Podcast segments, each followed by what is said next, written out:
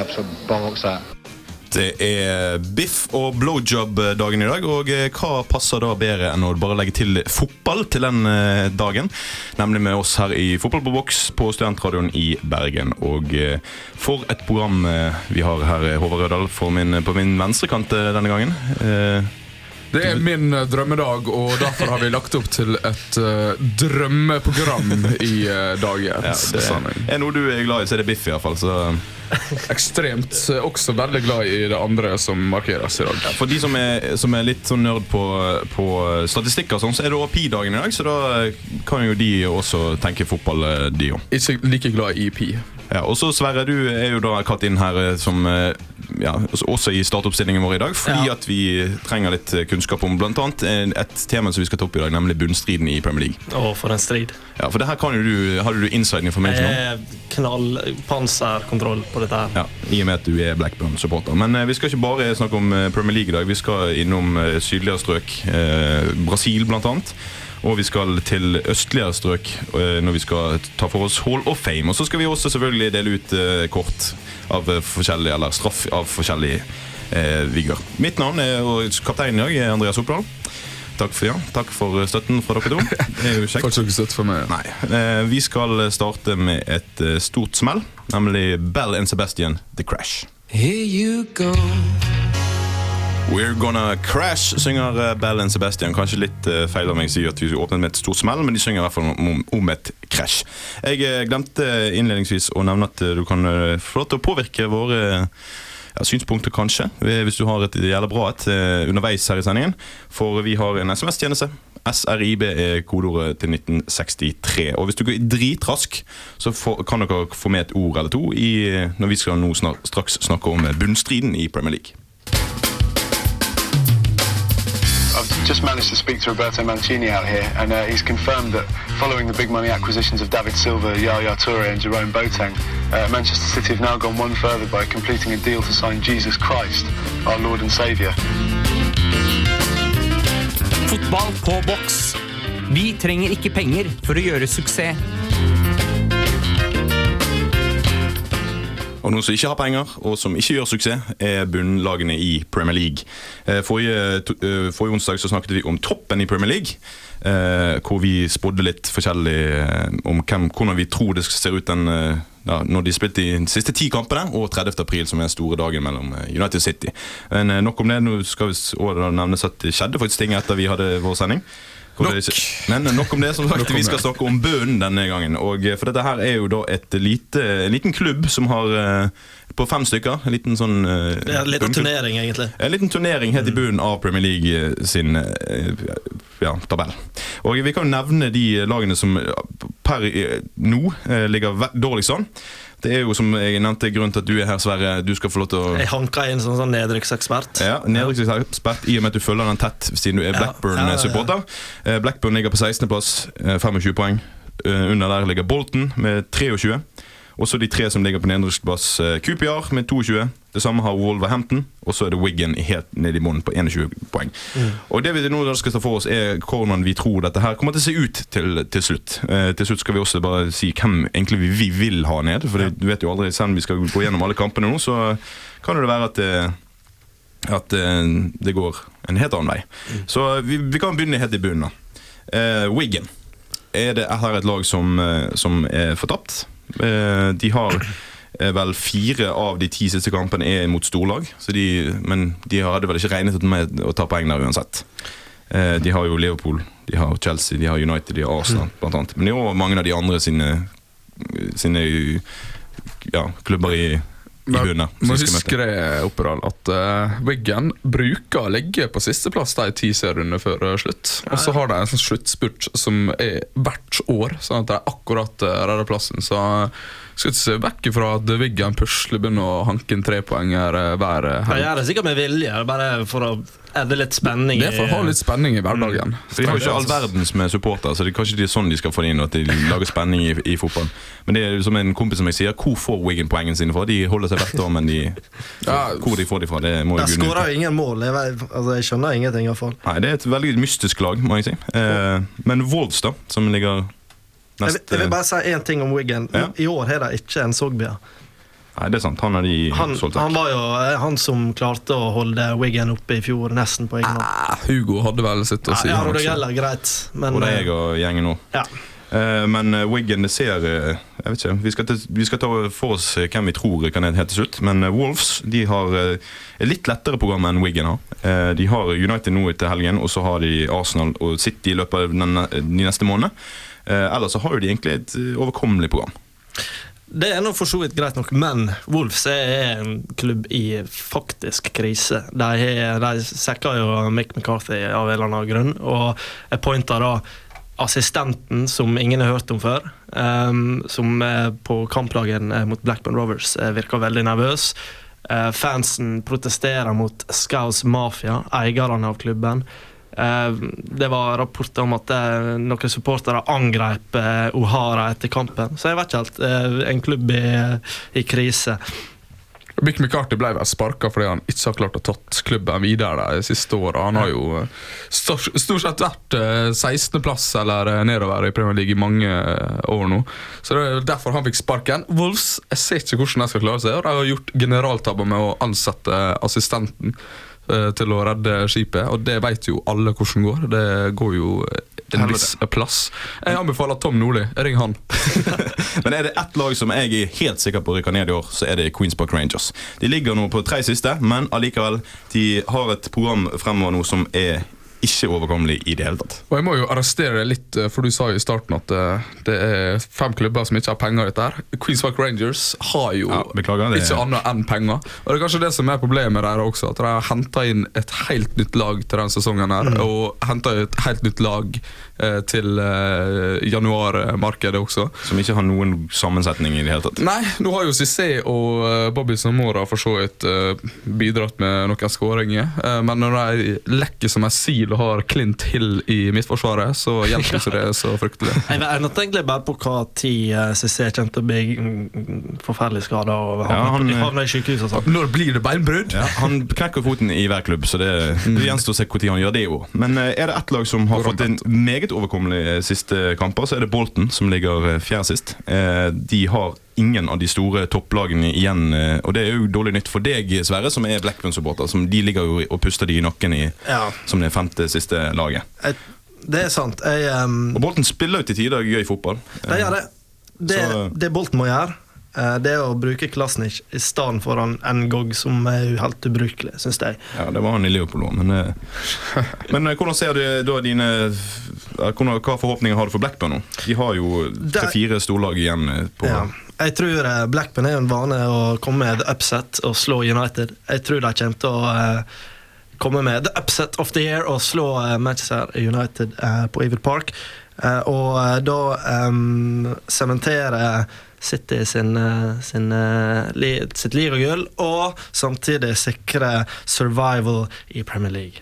Men uh, Hvis vi da skal ta for oss disse her fem lagene, hvem tror vi rykker ned? Hvis du begynner, uh, over. Skal vi få avslutte med en eh, spådom, eller hva du håper eh, rykker ned?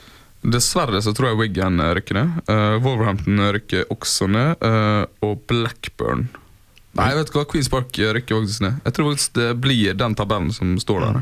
Er du enig med dette, Sverre? Jeg eh, har også tippa Wolves, Wigan og Queens Park Rangers. Blackburn de putta jo uh, like, flere mål enn uh, Ja, helt Det må opp til topp fem eh, omtrent for å finne lignende mål, eh, målstatistikk. Så Blackburn klarer å holde seg med Jakubi og Hoilet. Det er godt mulig at, eh, at tabellen blir sånn som den ser ut nå i bunnen, men er det, altså Wiggen er et lag som jeg ikke har så veldig stor sansen for, som jeg håper selvfølgelig de rykker ned. Men jeg vil ikke ha Wolves og QPR, jeg vil ha ned Bolton og West Brom. Eh, West Brom ligger nå langt unna, men det er kjedelig lag som jeg håper Det var vet voldsomt eh, Ja, Det er laget jeg håper rykker ned. Og Jeg jeg vet at Dere blir forbanna på meg når jeg sier det, men eh, det er faktisk helt eh, ja. Men det kommer til å skje, så det er jo veldig fint. Eh, men jeg, jeg er jo sjokkert over at Queens Park Rangers klarer å være på 18.-plass etter Det kan- 28 kamper. Jeg er sjokkert. Og at eh, de er 14 poeng bak både Swansea og Norwich. Men er det et av bunnlagene som har en rik historie, derfor så håper jeg de holder seg. De, har jo Marcus uh, Queens Park Rangers. Ja, han har jo ikke klart eh, Men er det noe de trenger, så er det en Mr. Alex eh, for å holde seg. Og vi får på buksen nå får Alex Winston iallfall med Fire Ant. Ingen eh, Alex Ferguson, men Alex Winston er her i Fotballboks. Uh, Fire Ant uh, het låten. De siste ukene så har vi drevet og anbefalt ting. Det er en sånn ny greie som vi har begynt med her i Fotballboks. jeg anbefalte The Two Escobars. Du, Håvard, tok Das Wunder von Bern. Og denne gangen så er det vår vanlige kaptein kan man kanskje si, Joakim Haaland som har tatt for seg en, en kultdokumentar om Laton Orient sin katastrofale 94-95-sesong. Og da med fokus på deres manager den gangen, John Sitten. Og Laton Orient er en klubb som jeg ikke kan altså, all verden så mye om. Jeg vet bare at de har vært nede i det engelske ligasystemet. Det er favorittklubben til brødrene Lloyd Webber. Og det er Ja, Lloyd Webber. Ja, Andrew ja, gjengen, ja. Men da, Kanskje vi får lære litt mer om denne klubben eh, når Joakim snakker om eh, kultdokumentaren 'Club for a Fiver'.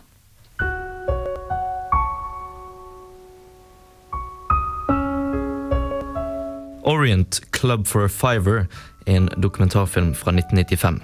Den følger London-laget Laton Orients sakte ferd mot avgrunnen i engelsk andredivisjon i 94-95-sesongen. Men denne dokuperlen av Orient-fan Joe Treharn er så mye mer enn bare en historie om et fotballag som spiller dårlig.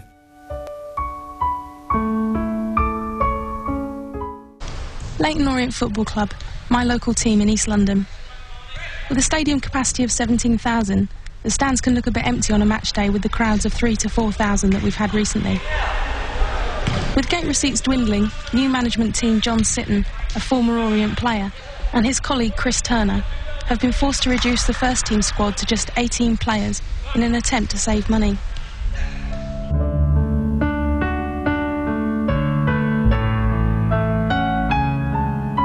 Helt fra begynnelsen av sesongen er det klart at klubben ikke bare sliter sportslig, men også økonomisk. Filmens tittel henspeiler til hvordan klubben midtveis i sesongen blir solgt av eier Tony Woods til Barry Hearn for fem pund.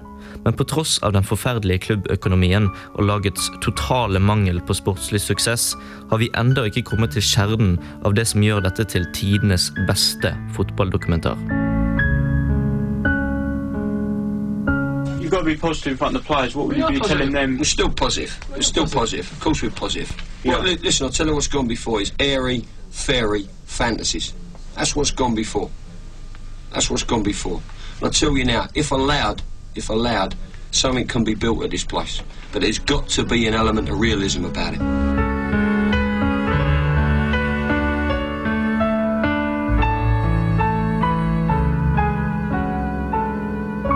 Det som gjør Orient Club for a Fiver til en kulthit som fremdeles resonnerer den dag i dag, er én mann. John Sitten. I'll hold my hands up. I'm beginning to think the geezer's right. Because I know that if Shearer was in a kit, you'd fucking be off. I know that if Wilkie was in a kit, you'd be off. Because I'd get more out of them fucking kids. Bellamy's holding the back four together. And the only one who's done any work is the goalkeeper. Økonomisk rot og dårlig form danner bakteppet til manager og tidligere Orient-spiller John Sittens totale og maniske sammenbrudd både som fotballtrener og menneske gjennom sesongen som Treeharn pekte kameraet sitt mot han og klubben i hennes hjerte. Filmen følger både Sitten på styrerommet og i garderoben. Nesten alt av bilder er av Sitten, og vi ser så å si ingenting av det som skjer på banen. Kun svarte og hvite mellomtitler forteller oss om resultater og tabellposisjon. Når sesongen er over, har Leighton Orient kun rasket med seg 26 skarvepoeng og ikke vunnet en eneste bortekamp. Det blir selvsagt nedrykk.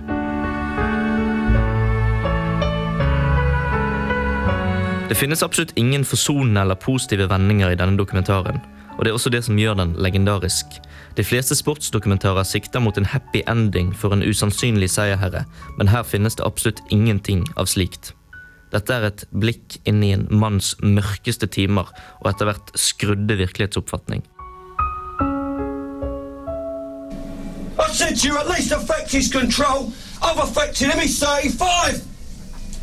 And you don't listen. It's like fucking shadow play. In the words of Graham Taylor at fucking Crew, when he was Aston Villa manager, you got us in this fucking mess, now you get us out of it. That's what I'm saying. I'm finished.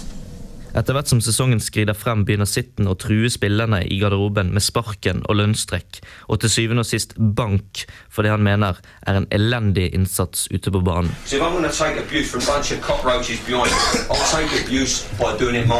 of. And that is fucking conformity, not fucking non-conformity. So you, you little cunt, when I tell you to do something, and you, you fucking big cunt, when I tell you to do something, do it. And if you come back at me, we'll have a fucking right sort out in here. Alright? And you can pair up if you like, and you can fucking pick someone else to help you, and you can bring your fucking dinner. Because by the time I'm finished with you, you'll fucking need it.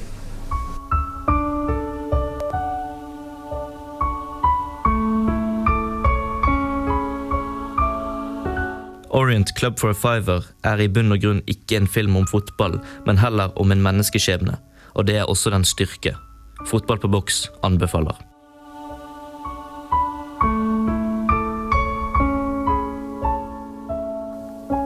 Orient Club for Fiver, eh, Fiver faktisk. eh? Ble anbefalt der av Joakim Haaland. Nå skal sies at John Sitten han jobbet aldri i fotball igjen. han. Levende legende likevel, da. Ja, Du likte jo dette svært godt. eh. Absolutt. Av og til så trenger spillerne å få høre at eh, her får dere smekk på pungen hvis dere ikke jobber skikkelig på laget. Og uh, Denne dokumentaren kan, trenger du faktisk ikke gå i butikken for å kjøpe. Nei, nei Den kan kjøpe, eller ses på, Ses. på YouTube helt gratis. Og uh, Det tror jeg vi samtlige her vi tre skal gjøre. For Absolutt. Det, ja. hørtes svært gøy ut, den der eh, John Sitten. Han var jo eh, verbale minst- terrare. Og... Ja, det var Det er noe gøy. Det, det, det er det man hører om uh, hårføner, eller hva det heter. Og jeg, jeg har ikke så god kjennskap til det, men eh, Ja, jeg tror du hadde dette er ukas låt. Ukas låt her på Studentradioen i Bergen, At Your Leisure. Og han sang om Kill the Elephant. Og hvis en fotballspiller hadde gjort det, så hadde de i hvert fall havnet i disiplinærkomiteen.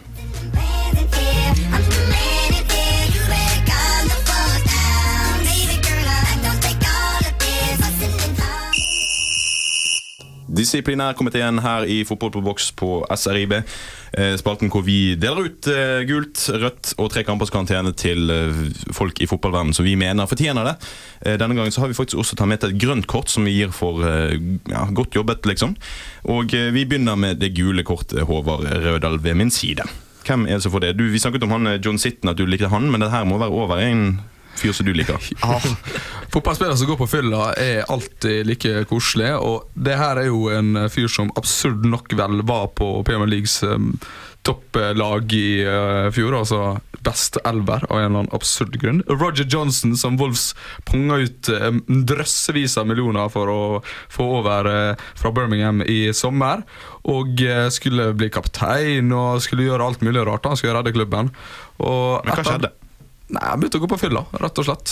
Eh, Blant annet så gikk han på fylla før eh, de tapte 0-5 for Fulham. Eller var det rett eh, etter? Etterpå. Eh, etter. Han var ute og feira, da. Han var feiret til tapet. Tap baklengs! Det er jo bedre enn hva de har gjort mange ganger, det. så det er nok å feire, det også. Og som supporterlederne i Viking Wolves Svein Solberg eh, sier, Johnson, eller Johnson som han eh, da heter på engelsk, har eh, spilt som han var full i noen kamper. og så er det dette her klassisk, da. Hva skal vi straffe med? Nei, vi straffer med bot på 450 000. Å nei, det, det svei sikkert krusalt. Men da svir det kanskje litt mer at han får gult kort her. Uh, Det betyr det mye mye mer. Mye mer.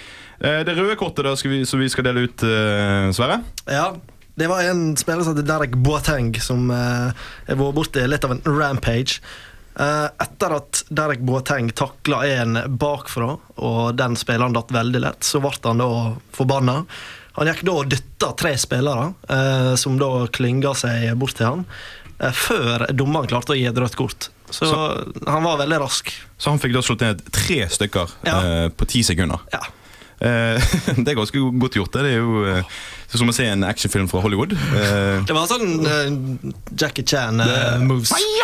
Hall of Fame-materiale, føler ja, jeg. nesten er Derek, altså. For en legende. Ti mann slår han ned eh, og før han fikk det røde kortet. Eh, jeg vet ikke om vi hadde klart det. Eh, jeg kunne prøvd her, da. Men eh, vi har ikke nok folk, dessverre. Eh, da måtte jeg slått ned meg sjøl. Det er noe som ikke er helt eh, ja. Det skal Men han får i hvert fall rødt kort av oss eh, her i Fotballboks. Eh, Men tre kampers karantene, den er litt spesiell.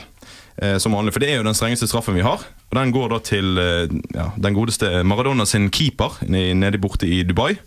eh, På laget Al-Wazl. Og denne keeperen, da. Han smekker til, han òg. Ikke bare sånn som Sånn som Boateng, som slår ned på ti sekunder. Han slo bare ned én person, nemlig Kishe Sanchez Flores, som vi alle husker som trener for Getafe, Valencia, Benfica, Atletico Madrid annet. Og denne keeperen har Etter kampen så går han bort og klapser til han fra, bakfra eh, i fjeset. Eh, på videoen så ser det faktisk ikke ut som at han bryr seg så veldig mye. Men eh, fotballforbundet i Dubai, de, altså de arabiske land Nå kan det være at jeg eh, er litt frekk, men de liker å straffe hardt. Eh, denne mannen fikk 17 kamper for, eh, i karantene for denne, eh, det lille klapset på, i fjeset. Eh, og Derfor så syns vi da det eh, passer seg å gi han tre kamper, sånn at han får et rundt tall. At han får 20 kamper, eh, eh, ja, så, så han kan sitte på, på Ta seg ferie, da. Viktig med disiplin. Ja, Klubben suspenderte jo han også da på ubestemt tid, så jeg vet jo ikke om han kommer tilbake igjen etter de 20 med våre tre i tillegg. Men uh, han, er jo, han er jo kjent for å være en voldelig mann. Uh, Ja da, det er ikke første gang Nazer har vært uh, ute og klepsa. Han har jo tidligere angrepet en linjedommer i 2007, og det fikk han eh, 13 kamper for. Sona da bare fem.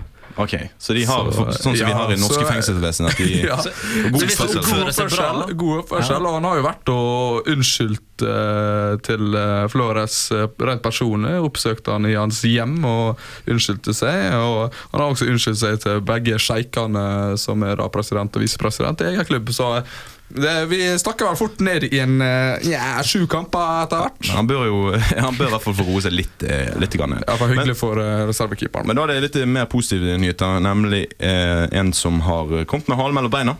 Nemlig Andy Gray. Og jeg vet ikke om dere husker den saken med Andy Gray.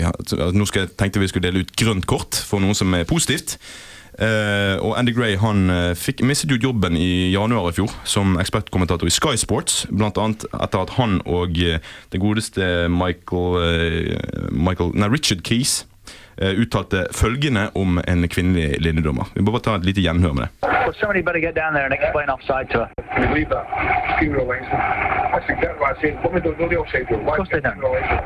Charming Karen Brady this morning complaining about sexism. Yeah, do me a favour, love.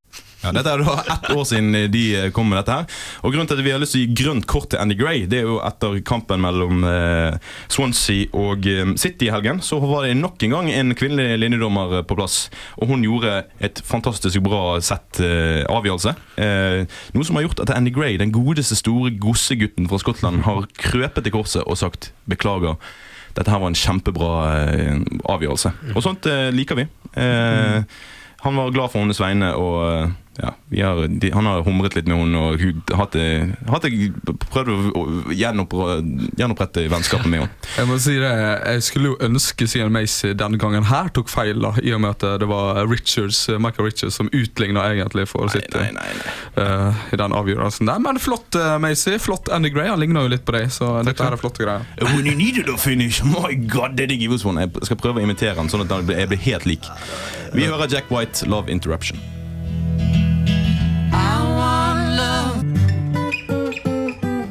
Og Et sted hvor man eh, finner, virkelig finner ekte fotballglede, er i eh, Brasil.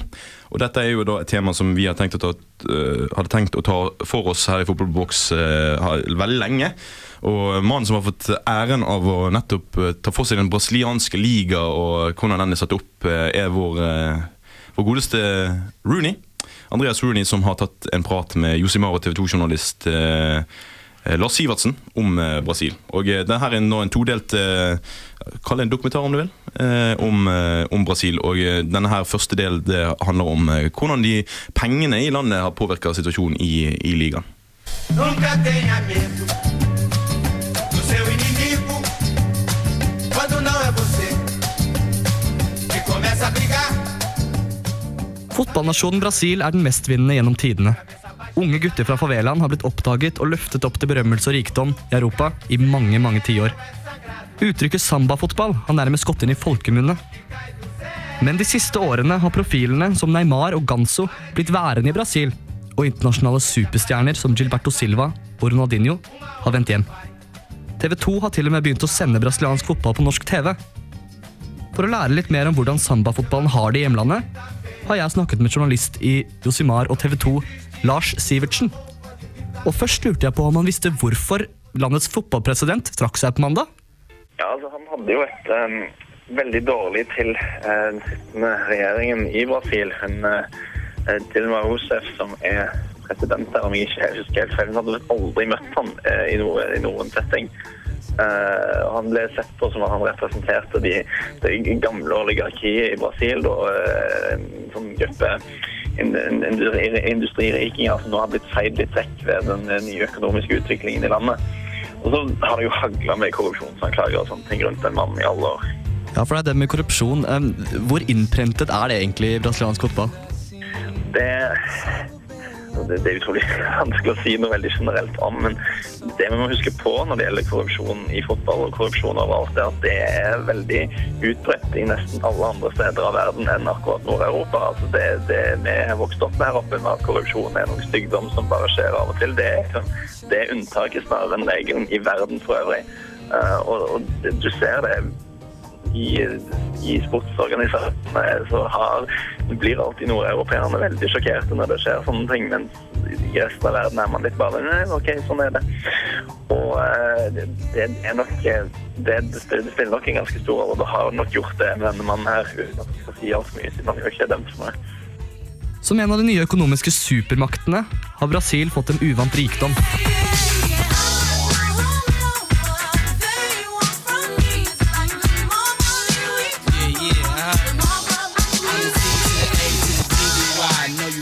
Jeg spurte Lars Sivertsen om hvordan det har påvirket fotballen. De to tingene du ser, er for det første at eh, du ser eh, stjerner som kommer tilbake til Brasil, eh, mens de fortsatt har, har nok fotball i seg igjen til at de kunne fått en fet-kontrakt i Europa. Uh, og du ser spillere som blir der lenger før de drar til Europa. Uh, du kan se på folk som Luis Fabiano, Elano, Deco, Ronaldinho, Liedson, altså sånne spillere. Fred, ikke minst. Dette dette er gutter som enkelt kunne fått seg kontrakter i Europa, om kanskje på det aller høyeste nivået. Men Mens likevel har valgt å gå tilbake til Brasil fordi at det er mer penger i omløp. Eh, Og det har en sånn forsterkende effekt. da. Når en av disse gutta ser at alle de andre stikker tilbake, så tenker de at det er mer prestisje i det. da. Er det noen andre faktorer som spiller inn? Altså, vi har jo hørt mye eh, om, om Carlos TV spesielt, som snakker om familie. Det, tror du det er noe sånn rent familiært og livsstilsmessig som, eh, som trekker dem hjem og holder dem hjemme? Det er et poeng. Altså, hvis de har et, eh, et, et tilbud fra en europeisk klubb og et tilbud som er nesten like godt fra en brasiliansk klubb, så det kanskje da får du sosiale omstendigheter som vipper i den retningen. Det, det kan jeg ha forståelse for, men, men først og fremst er det det at det er økonomiske, det er økonomiske årsaker.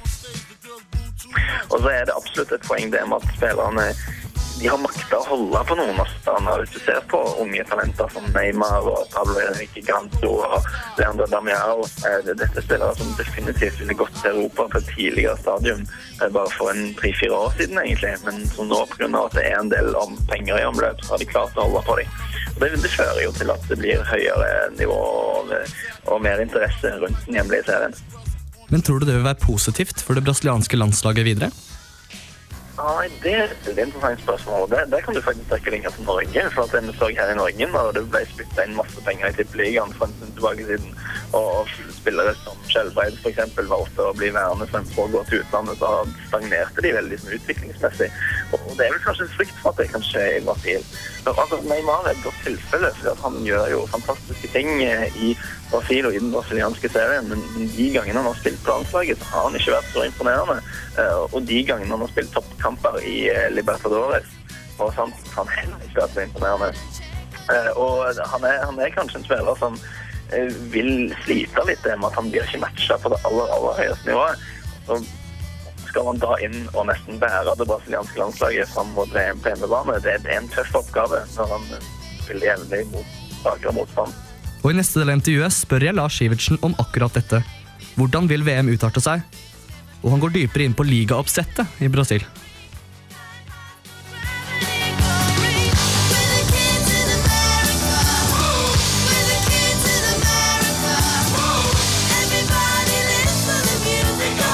Og eh, Lars Sivertsen er altså om den eh, nyrike bakgårdsligaen eh, i Brasil, som snart ikke er en bakgårdsliga lenger.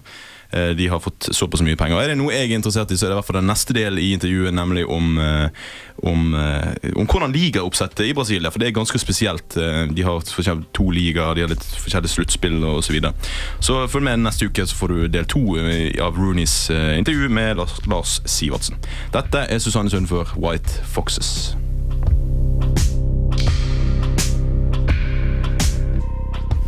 Susanne Sundførs nydelige toner der fra White Foxes. Og eh, nå her i Fotball på boks på Studentradioen i Bergen skal vi ta for oss en Hall of Fame. i spalten hvor vi prøver å fremme de litt mer spesielle fotballspillerne der ute som eh, fortjener litt ekstra oppmerksomhet. Og eh, denne gangen så har vi faktisk funnet fram en keeper, og det har vi vel aldri hatt i Hall of Fame før, Håvard? Nei, jeg har forsøkt å få inn eh, Carlos Roa. Det valget sto mellom eh, den kandidaten som vi skal lansere i dag, og Carlos Roa. Jeg valgte å prøve meg på Carlos Roa, men da er det godt at Henrik Langeland Jensen har forsøkt, eller skal forsøke, å få inn russiske legenden Lev Yashin. La oss høre.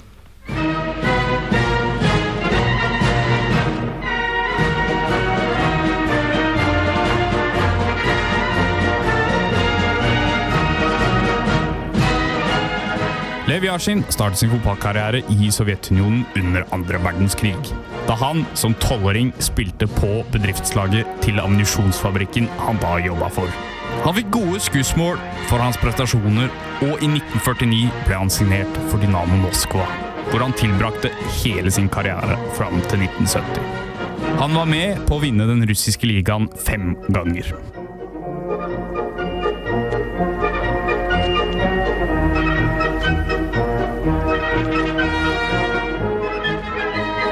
Lev er av mange kalt den moderne keepers far. Keepere på denne tida var stort sett bare skuddstoppere. Lev revolusjonerte rollen ved å dirigere forsvaret sitt ved å rope ut ordre. Han var også en pioner når det kom til å avverge mulige målsjanser. Ved å ruse ut mot spisser, og også å komme ut fra streken for å ta innlegg ut av lufta. Grunnen til at han tok i bruk disse teknikkene, var som han selv har sagt, at han hata å slippe inn mål. Hvilken keeper blir ikke plaget av å slippe inn mål? Han burde blitt pint. Men slike kreative tiltak var ikke for å kompensere for dårlig skuddstopping, som vi senere skal komme tilbake til. That's why they call Yashin one of the greatest goalkeepers the world has ever seen.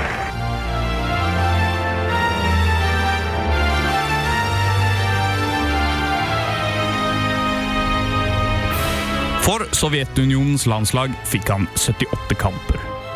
Han var førstevalget i 13 år, fra 1954 til 1967. Med Lev Yashin i mål vant Sovjetunionen OL-gull i 1956 og EM i 1960. Den beste plasseringa i VM var fjerdeplassen fra 1966. Til sammen spilte Yashin 13 VM-kamper totalt og holdt nullen fire ganger. Lev Yashin, the legendary Soviet keeper, was honored as the best in the 1966 finals, a fitting reward for an outstanding career. Videre sies det at han har redda over 150 straffespark. Å skåre på straffe mot Yashin var sett på som en virkelig prestasjon. Han er fortsatt den eneste keeperen som har vunnet Ballon d'Or. Totalt spilte Lev Yashin over 300 kamper for Dynamo Moskva. Og han skal ha holdt nullen i over 250 av disse.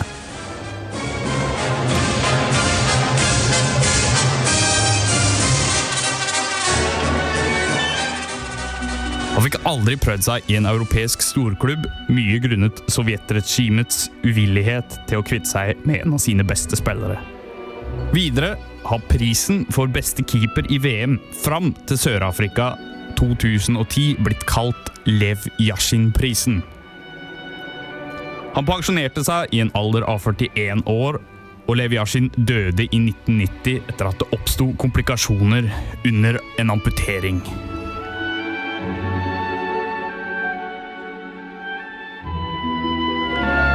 He was the popular symbol of Soviet football, recognized throughout the game as the greatest and most dominant of goalkeepers. Vi avslutter med et sitat. Gleden av å se Juri Gagarin fly i verdensrommet er bare overgått av en god strafferedning.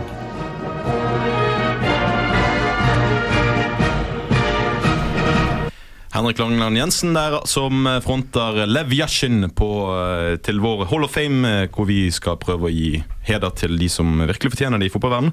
Og eh, da er det da tid for å stemme. Og en russer som kommer med ordre og slikt, det må jo du sette pris på, Håvard Rødahl. Jeg har alltid vært svak for eh, Russland og mitt, mitt gamle Sovjet, ikke minst. Og jeg må innrømme at når jeg hører Henrik Langland Jensen snakke om dette, her, så um, får jeg litt tårer i øynene, for det er så vakkert, så vakkert. Og jeg elsker Lev Yashin.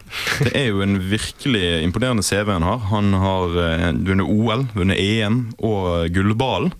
Som i våre dager kun gis til Ja, som eneste keeper noensinne. Ja, det er meg. Hva var det? Dessverre 100 år 150 et eller annet straffespark. straffesparksredninger. Nei, jeg vet ikke. jeg. Det var vel lite Henrik kom med der som skal tale imot at vi skal stemme han inn i Hall of Fame. Eller hva sier dere, gutter? Jeg, um, jeg tror faktisk han har laga en lab i Sovjetunionen, og det var en eksper et eksperiment. Litt typisk eh, kalde krigsstil. Ja, det, det høres virkelig, virkelig sånn ut. Jeg er litt imponert at han begynte på et bedriftslag, sånn som meg. Så kanskje om i fremtiden så lager dere et innslag om meg, som også har begynt på bedriftslag. Men eh, skal vi bare si at eh, alle stemmer inn, og eh, som de sa, Yashin Probably, probably the greatest keeper we've ever seen. uten tvil. Uten tvil. Så da kan vi da velkom, ønske velkommen Levjesjin til eh, som første keeper i Hall of Fame her i, her i Fotballboks. Meget imponerende. Vi skal høre ukas album, vi. Christian Mistress. Uh, albumet og låten heter Possessions. Her i Fotball på boks. Liker du menn, liker du baller, fotball på boks hver onsdag klokken 11. Menn som snakker om baller. Er det noe vi liker, så er det baller. Nemlig besendt fotballer, da. For å ødelegge den lille vitsen her. Vi er ved veis ende her i Fotballboks. Eh, vi har lagt bak oss en eh, ganske så innholdsrik eh, sending. Vi har hørt eh, Joakim eh, Haaland snakke om eh, dokumentaren som alle vi i hvert fall skal gå og se. eh, Om John Sitten og Leighton Orient, Club for a Fiver. Og så har vi eh, spådd hvem som rykker ned. Eh, vi har spådd QPR, Wolves og Wigan, altså den eh, tabellen som han er akkurat nå. Eh, selv om jeg ville sett Bolten ned. Eh, dere blir jo litt sinte på meg nå, men det får bare være. Eh, det er jo sånn at vi har en podkast som kommer ut etter sendingen. På podcast.srib.no. Eh, men det er ikke bare Joakim som har hjulpet til i dagens sending. Det er også Andreas Rooney, vår egen Wassa. Som også kommer neste uke med del to av sitt intervju om Brasil sammen med Lars Sivertsen. Litt mer om ja, oppsettet i den brasilianske ligaen. Eh, vår eh, produsent Bjørn Bendiksen Leinebø må vi også takke. Og, eh, men vi, helt til slutt så kan vi da nevne at det ikke, fotball stopper ikke med oss, og at vi er ferdig. Vi har jo litt, ja, noen par fine dager foran oss med, med, med fotball eh, i dag, i kveld. Eh, nærmere bestemt Real og mot Moskva. CSK. Mm. 1-1 i første kamp. Det blir spennende returoppgjør. Og eh, de godeste Chelsea skal ut mot Napoli, som de fikk jo smell. Det blir røft det blir røft for dem. Ja. Og på torsdag så er jo det for meg og deg Håvard. Da er det fest i uh, Baskerlandet, i hvert fall. Eh, det skal feires ut i de lange nattetimene i Bilbao eh, etter at de har slått ut eh, Jeg husker ikke hva dette heter, dette laget. Skum, et eller annet. Scum eh, United. Eh, Manx. Men uh, ditt uh, elskede City skal jo også ut i aksjon.